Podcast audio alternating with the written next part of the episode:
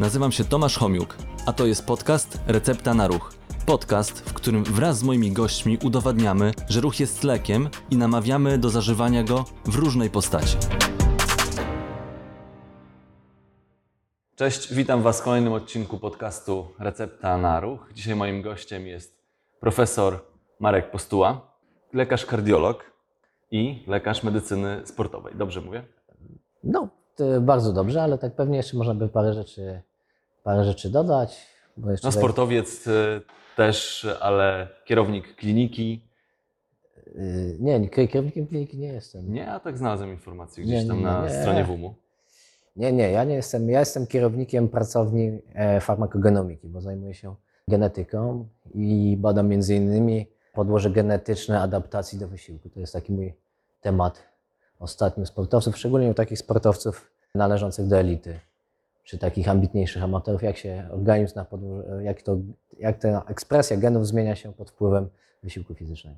No tak, tutaj będziemy rozmawiali o tym, jak ciśnienie może się zmieniać pod wpływem wysiłku fizycznego, jak można zapobiegać nadciśnieniu tętniczemu i co zrobić, jeśli już ma się to ci- nadciśnienie tętnicze. Nadciśnienie tętnicze chyba dosyć spory problem u dosyć dużej grupy osób w Polsce i nie tylko na świecie. Tak, chodzi o dane takie w Polsce i dane światowe to są dosyć podobne, jeśli chodzi o odsetek, bo to mniej więcej można założyć, że około 30, mm, 30-35% dorosłego społeczeństwa cierpi na nadciśnienie tętnicze, czyli ma te wartości ciśnienia, no bo to trzeba zacząć od definicji, czyli ma te wartości ciśnienia powyżej 140 na 90 i to jest taka granica, którą każdy powinien pamiętać, jak takie wartości ciśnienia kiedykolwiek u siebie zmierzy, czy w domu, czy w gabinecie lekarskim, no to powinien bacznie się przyjrzeć temu ciśnieniu. A bacznie to znaczy, że powinien sobie zrobić taki, ja zalecam swoim pacjentom, taki tygodniowy, ty- tygodniową analizę ciśnienia. Rano, wieczorem o stałej porze mierzyć, zapisywać i zobaczyć, jakie średnie ciśnienia. No i wtedy jest rzeczywiście e, można rozpoznać lub można dostać sygnał ostrzegawczy, że mamy tak zwany e, stan przednadciśnieniowy, czyli te wysokie prawidłowe wartości ciśnienia. Natomiast wracając do tej częstości, to jest to 30-35%. Wiadomo, że u mężczyzn częściej występuje większy odsetek, czyli można założyć, że mężczyźni to 35% dorosłych mężczyzn. W Polsce nawet do 40% może mieć nadciśnienie tętnicze. Natomiast u kobiet to jest około 30% e, dorosłych kobiet ma nadciśnienie tętnicze. I to procentowo. Natomiast liczby bezwzględne to w Polsce to się przekłada na 9 milionów dorosłych Polaków. Jak weźmiemy sobie jeszcze do tego seniorów, czyli osoby powyżej 80 roku życia, no to może być to 11, 11 milionów. Ma wartości ciśnienia powyżej 140 na 90. I to jest takie najczęściej można znaleźć w piśmienictwie takie dane epidemiologiczne. No ale coraz częściej patrzymy też na tą populację zagrożoną naciśnieniem tętniczym, czyli rozwojem przyszłości, czyli to są osoby, u których te wartości są powyżej 130 na 80 i to już są osoby, które można je zaliczyć według definicji światowych do osób z tak zwanym stanem przednadciśnieniowym, no to ta liczba wyrośnie do 30 13 milionów, także to jest jedna trzecia populacji kraju, w którym żyjemy.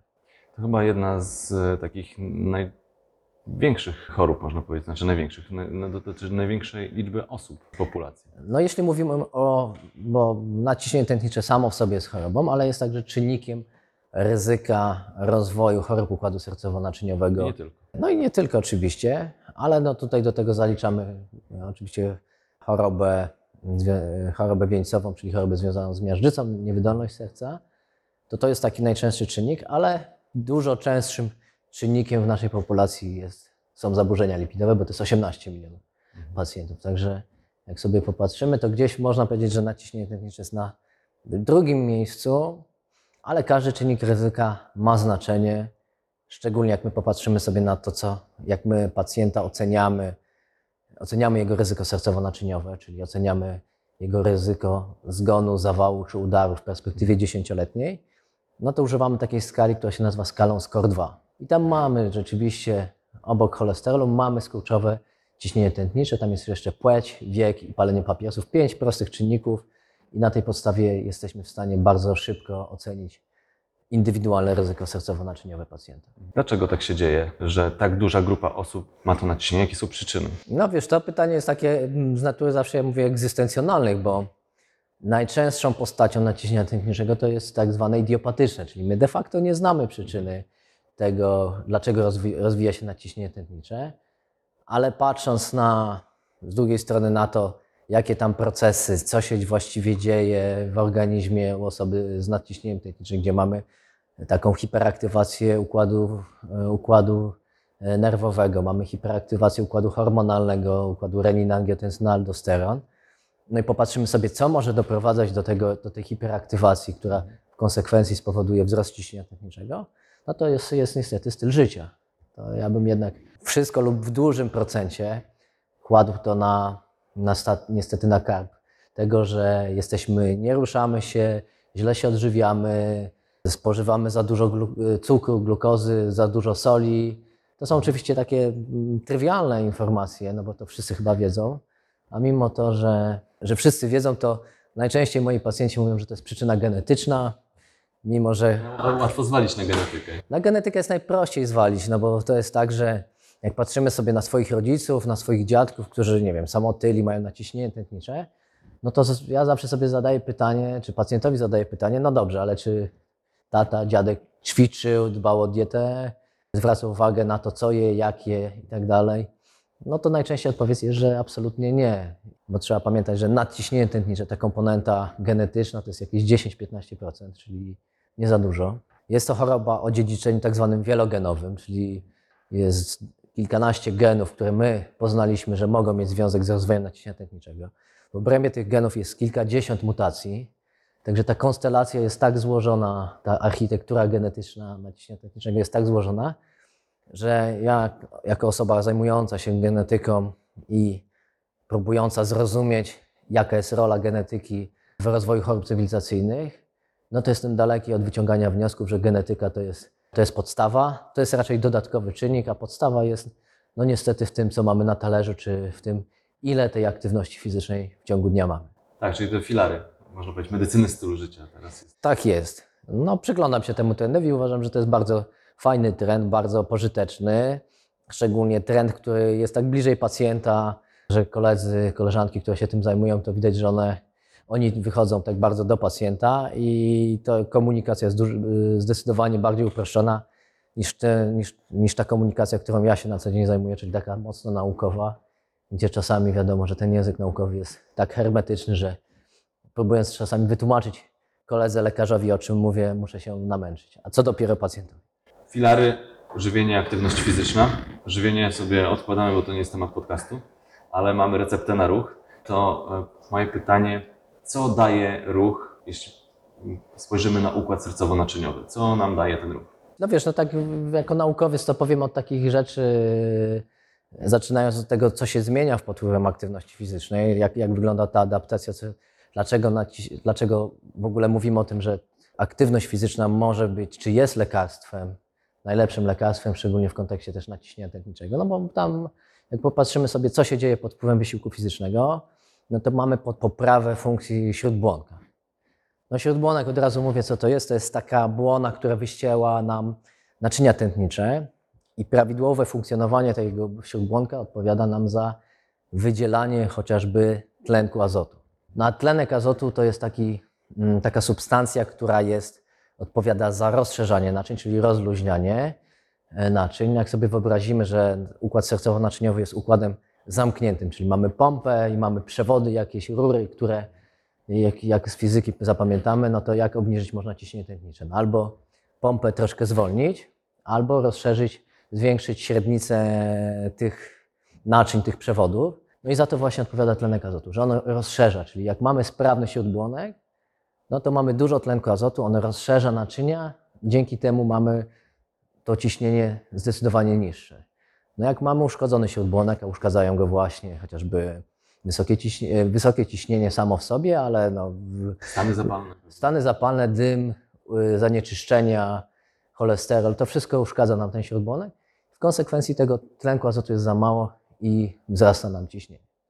No i to jest, a wysiłek fizyczny poprawia funkcję, czyli przywraca, można powiedzieć, prawidłowe funkcjonowanie tak zwanej syntetazy tlenku azotu mamy tego tlenku azotu więcej. I to jest pierwszy element. Drugi element to jest wysiłek fizyczny też pobudza rozwój naczyń, czyli powoduje, że takich drobnych naczyń, które za- zaopatrują nam chociażby mięśnie, mięsień sercowy, mięśnie szkieletowe, w tlen ta sieć jest dużo bardziej gęsta. No i to, to z kolei też może, to poprawa tego utlenowania prowadzi do obniżenia ciśnienia tętniczego krwi. No i wreszcie trzeci taki element to też są badania, które wskazują na to, że wysiłek fizyczny no, przekłada się na insulinooporność, czyli obniża insulinooporność. To też ma związek z, naciśnieniem, z rozwojem naciśnienia tętniczego, czyli ten, e- takie kontinuum od braku aktywności poprzez otyłość, cukrzycę, to wszystko gdzieś tam jest związane z insulinoopornością i tam też w to wpisuje się naciśnienie tętnicze. I te trzy elementy to są związane, można powiedzieć, że tym się tłumaczy dobroczynny wpływ wysiłku fizycznego na ciśnienie tętnicze. Marku, e, wysiłek fizyczny to jest takie dosyć obszerne pojęcie, a my mamy tutaj receptę na ruch. No, jak jest recepta na lek, no to tam mamy nazwę tego leku, częstość stosowania, postać czasami leku, dawkę. To jakie są rekomendacje, jeśli chodzi o ten lek w postaci ruchu, żeby osiągnąć jak najlepsze efekty, jeśli chodzi o obniżenie ciśnienia tętniczego? Czyli jaka jest taka precyzyjna recepta? Co mówią zalecenia, co mówią, jakie są rekomendacje? No, rekomendacje są proste. Ja myślę, że chyba większość osób, które gdzieś tam śledzi Twój podcast i tematy, i tematy poboczne z tym związane, no bo do takich osób pewnie skierowany jest ten podcast, no słyszało, że ta minimalna aktywność, ilość aktywności fizycznej to jest 150 minut umiarkowanej aktywności fizycznej. To jest takie minimum, które zalecamy pacjentom. Ja zawsze to tłumaczę, no, że bo to tak 150 minut to brzmi dużo w tygodniu. E, tak. No, ja miałem w poniedziałek regenerację, wczoraj poszedłem na trening, w trakcie treningu mi zegarek pokazał, że 150 zrobiłem już. Już mam zaliczane, mógłbym odpoczywać, ale to oczywiście do tego dojdziemy. To jest to, to minimum. Czyli to mniej więcej, jak sobie przeliczymy na tydzień, to jest pół godziny dziennie przez 5 dni w tygodniu, dwa dni regeneracji, gdzie możemy sobie e, albo nie robić aktywności fizycznej, z czego nie zalecam, ale zrobić sobie tak zwaną regeneracyjną, czyli chociażby nawet dla tej osoby, która nie jest jakoś wytrenowana, żeby to był spacer po parku w wolnym tempie, żeby cokolwiek aktywować te mięśnie. Natomiast optymalnie to jest 300 minut. Czyli 300 minut no to już jest po godzinie 5 razy w tygodniu, ale to też nie jest dużo. Jeśli sobie z, zrobimy z tego nawyk, to ta godzina to zawsze nam bardzo szybko mija. I to mówimy o umiarkowanej, umiarkowanej intensywności. Możemy oczywiście, jak jesteśmy wytrenowani, nasz organizm na to pozwala, możemy e, stosować wysiłek fizyczny o wysokiej intensywności. To pewnie za, za chwilę wytłumaczymy naszym słuchaczom, widzom, co to znaczy umiarkowana wysoka intensywność według definicji kardiologicznych, ale to już jest połowa tego, czyli 75 minut do 150 o wysokiej intensywności jest w zupełności wystarczającą. Po to, żeby mieć efekty zdrowotne, czyli obniżyć sobie ryzyko sercowo-naczyniowe o te 20-30%, w zależności od tego, jaki, mm, co weźmiemy pod uwagę, ale to mniej więcej jest taki efekt, jeśli chodzi o redukcję. To jest takie niezbędne minimum. Oczywiście coraz częściej możemy czytać o tych krokach, ile tych kroków. Ja przyznam szczerze, że bardzo sceptycznie podchodzę do tych prac, bo co, co sięgam po pracę, to To tutaj się. To jest co innego, co się zmienia. Tutaj 10, 8, 6, 4.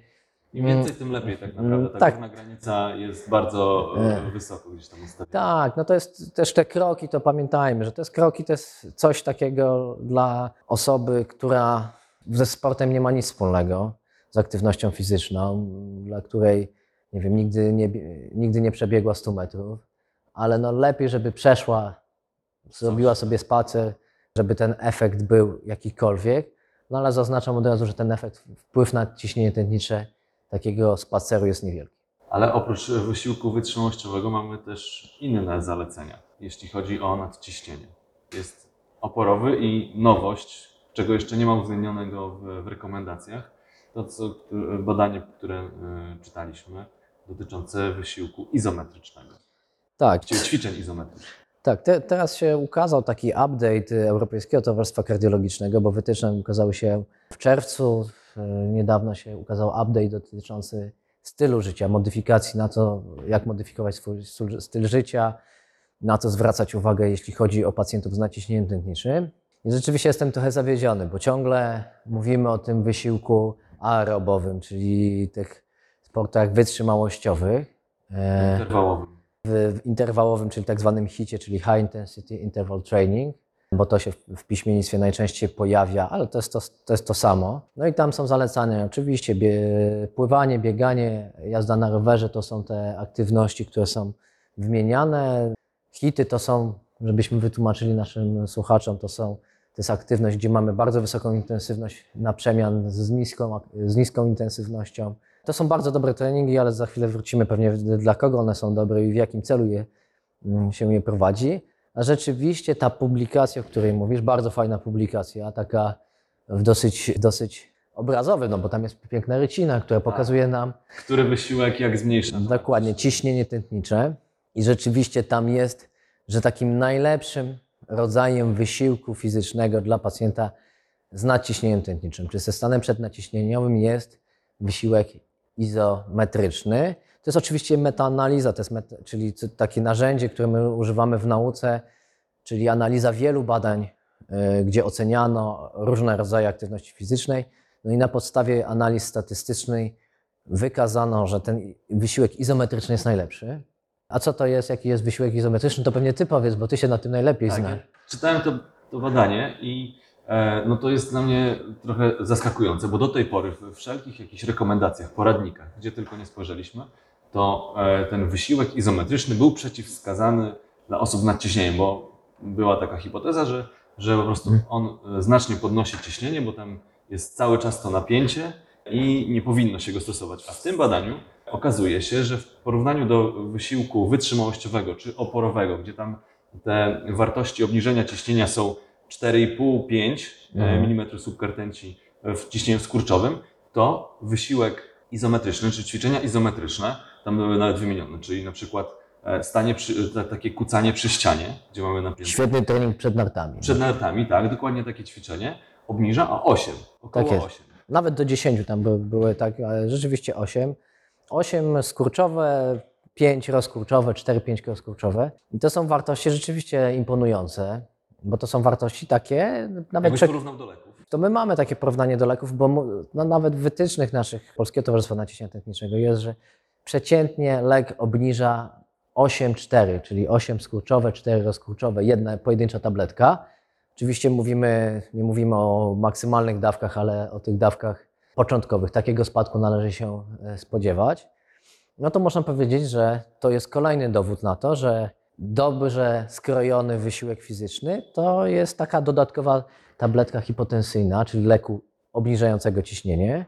Ale to, co trzeba, w tej pracy tego nie ma, ale inne prace, które, które, które wcześniej wpadły w moje ręce, no to wskazywano też, że ten wysiłek musi być regularny, bo ten efekt wysiłku fizycznego utrzymuje się około 24 godzin, czyli osoba, która ma naciśnienie tętnicze i stwierdzi, że jego lekiem na naciśnienie tętniczym to dodatkową tabletką będzie wysiłek fizyczny, musi ten wysiłek powtarzać codziennie. Że to nie może być tak, że raz w tygodniu i to jest załatwienie sprawy, rozgrzeszenie, że raz w tygodniu biorę leki, chociaż są już leki, które bierzemy raz w tygodniu, ale na pewno wysiłek fizyczny, żeby pełno, pełny efekt zaobserwować, to musi być regularny, codzienny. No i to jest ta izometria pewnie, która w tym momencie coraz bardziej nas ciekawi. Pewnie będziemy mieli coraz więcej ba badań, no bo to jest badanie, wiadomo, że zawsze na takie badania trzeba patrzeć krytycznie z punktu widzenia metodologicznego, że to są, myślę jednak, że warto zaprojektować czy przeprowadzić takie badania popula populacyjne, które porównają ten wysiłek izometryczny do innych, czyli aerobowych, czy tych hitów, lub kombinacji, bo ja też myślę, że każda z tych aktywności ma swoje plusy, ma swoje korzyści. I to nie jest tak, że jak ma się naciśnienie, to tylko izometria. Raczej ja bym polecał to, że wysiłek aerobowy jako podstawa budowania ogólnej sprawności, bo o wpływie wysiłku na poziomie molekularnym mógłbym opowiadać bardzo długo, ale pewnie jako ogólną podstawę jakąś dyscyplinę wydolnościową, czyli czy bieganie, czy rower, czy pływanie.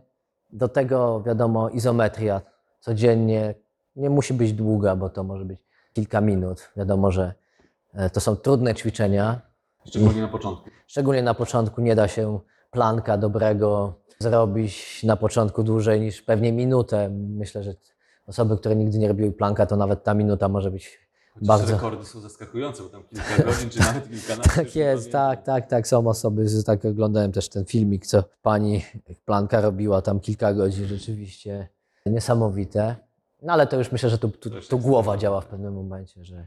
Na hit, hit jako wysiłek fizyczny, ja bardzo lubię hity, z tego względu, że hit nam buduje wydolność, buduje naszą wydolność, buduje nam coś, co się nazywa VO2 max, czyli maksymalne pochłanianie tlenu w trakcie wysiłku, czyli buduje ten nasz kapitał na dalsze, na ostatnie dekady życia, no bo im wyższy VO2 max, tym sprawniejsi będziemy na starość i to jest takie coś, co ja zawsze powtarzam moim pacjentom, że okej, ciśnienie jest ważne, ale najważniejszym kapitałem jest VO2 max, bo to, Jakbyś to jest dorzucił siłę jednak do tego kapitału. jasne, siła, masa mięśniowa, no bo wiemy, że w, tak przeciętny dorosły człowiek traci około 8 kg masy mięśniowej e, pod koniec swojego, tak jak e, zaczyna spadać nam od 30 roku życia masa mięśniowa, to tak przez te dekady kolejne to jest sumarycznie 8 kg.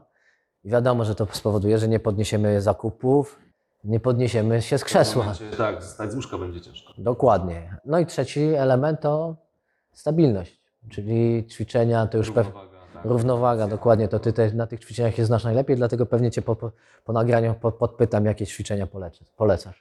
E, Ale jeszcze tak, wracając do, e, bo mówiliśmy o, mówiłeś właściwie o treningu HIIT, to tam wspomniane było wcześniej trening umiarkowany, intensywny HIIT, jakbyś to gdzieś tak e, usystematyzował, żeby można było rozróżnić te różne formy.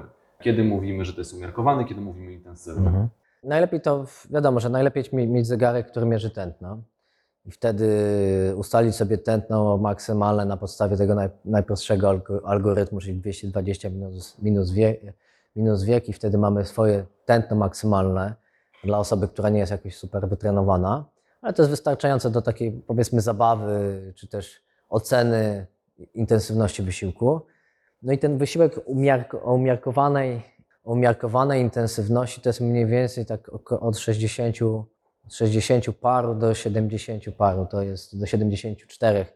E, To jest ten przedział, to jest umiarkowany wysiłek tętna maksymalnego 75 plus, no to już jest ten o wysokiej intensywności. Natomiast no to wszystko, co poniżej, czyli poniżej 60, to są lekkie, lekkie wysiłki, to tak najprościej. Oczywiście można też nie używać zegarka, czyli jak, nie wiem, mamy aktywność fizyczną, tak jak teraz swobodnie prowadzimy rozmowę, to ja bym to ocenił jako lekką. Jak troszkę szybciej popedałuję i mam zadyszkę i czuję, że mi oddech przyspiesza, to już bym powiedział, że to jest umiarkowana. No, nie będę pokazywał Państwu dużych wysiłków, bo już jestem dzisiaj po treningu, ale tam był duży wysiłek rzeczywiście, gdzie pojedyncza, pojedyncze słowa byłem w stanie wypowiadać, na pewno niepełne zdania i to, to pewnie taka definicja, jeśli chodzi o taką samoocenę, to najprościej to określić. No tutaj nie będziemy prezentować, ale ten, e, ja się tutaj troszeczkę doprecyzuję, bo jest tak naprawdę test mowy i śpiewania, gdzie lekkie wysiłki polegają na tym, że możesz śpiewać. No ja bym tego nie zrobił, bo nikt przestałby, przestaliby wszyscy słuchać i oglądać.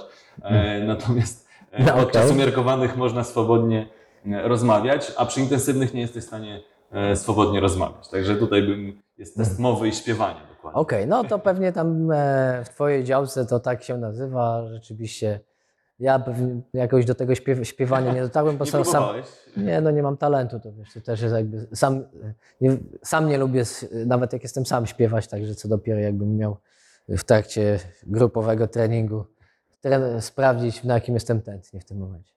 Tak, to tętno można wyznaczać na, na różne sposoby. Te mm, 220 minus wiek jest takim najprostszym wzorem, bo z tego co wiem, byłeś w grupie takiej e, naukowców, którzy stworzyli bardzo dokładny wzór na wyliczenie tego tętna maksymalnego. Zresztą e, z, jeden odcinek podcastu był poświęcony właśnie tym Mm, wyliczeniom.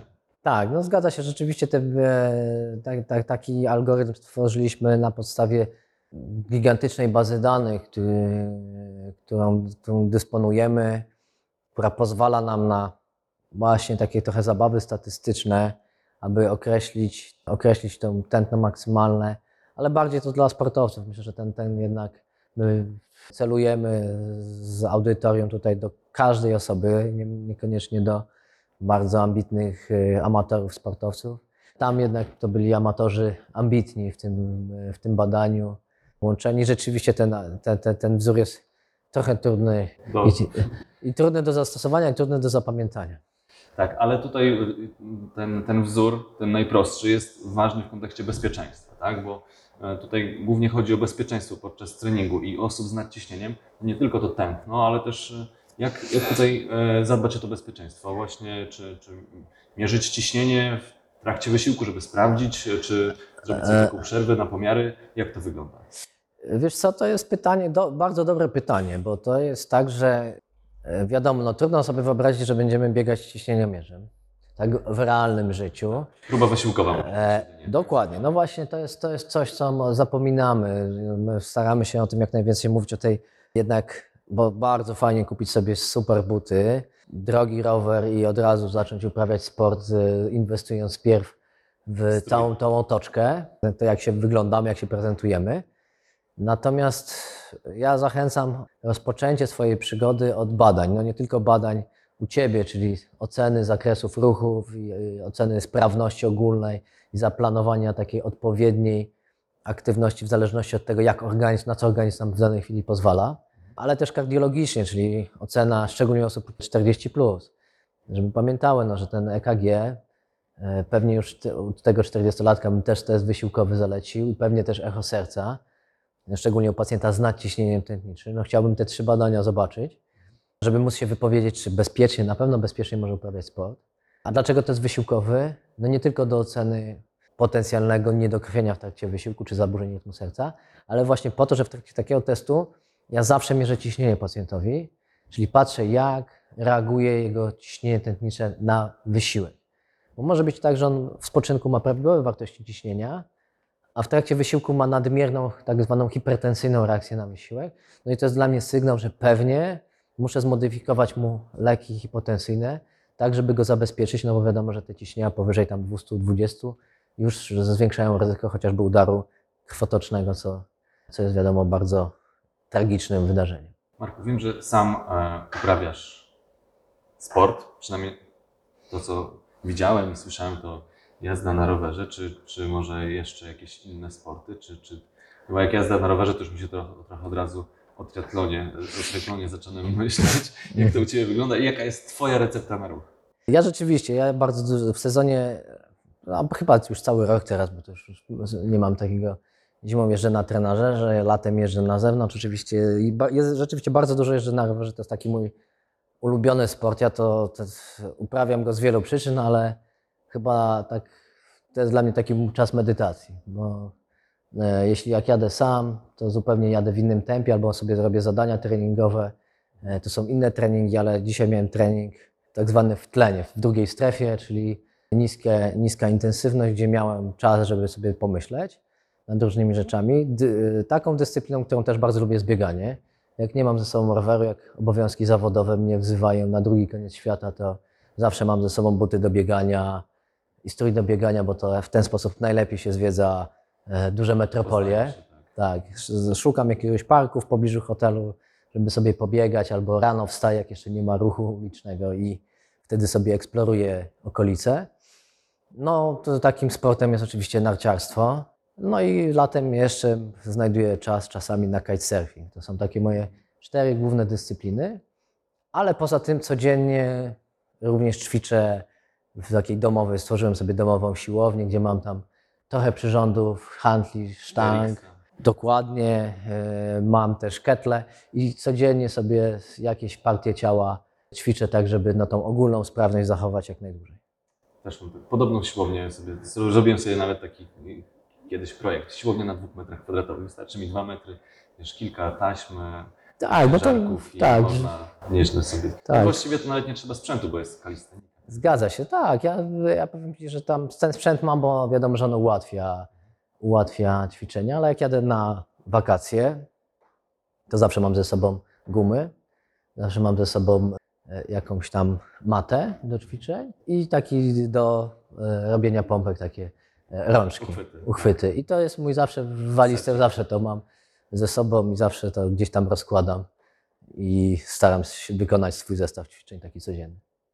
Marku, dziękuję Ci bardzo, Dziękuję. że, że odwiedziłeś e, tutaj e, ten piękny budynek, gdzie tutaj też można pływać i medytować, no bo nie wiem jak u Ciebie z pływaniem, ale ja to, no, mi się pływanie kojarzy z takim. Wiesz co, ja- bo tam jest w ogóle nic Tak, ja swego czasu bardzo dużo pływałem. Miałem taki okres w życiu, że bardzo dużo pływałem, że to był mój chyba jedyna dyscyplina. Taki miałem okres, że to była jedyna dyscyplina, taka, którą uprawiałem regularnie, kilka razy w tygodniu.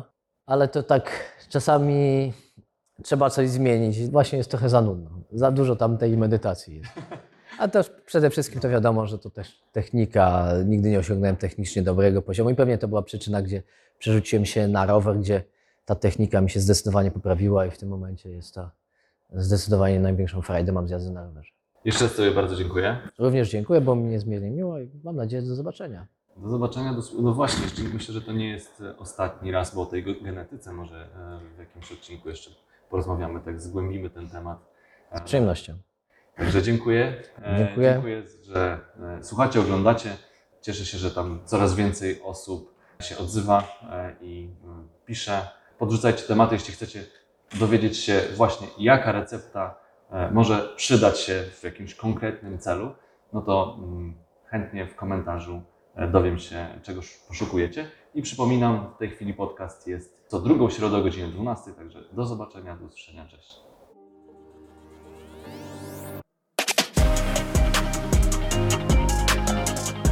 Dzięki, że byliście. Mam nadzieję, że zostaniecie tutaj na dłużej. Jeżeli chcecie być na bieżąco, zasubskrybujcie kanał Recepta na Ruch.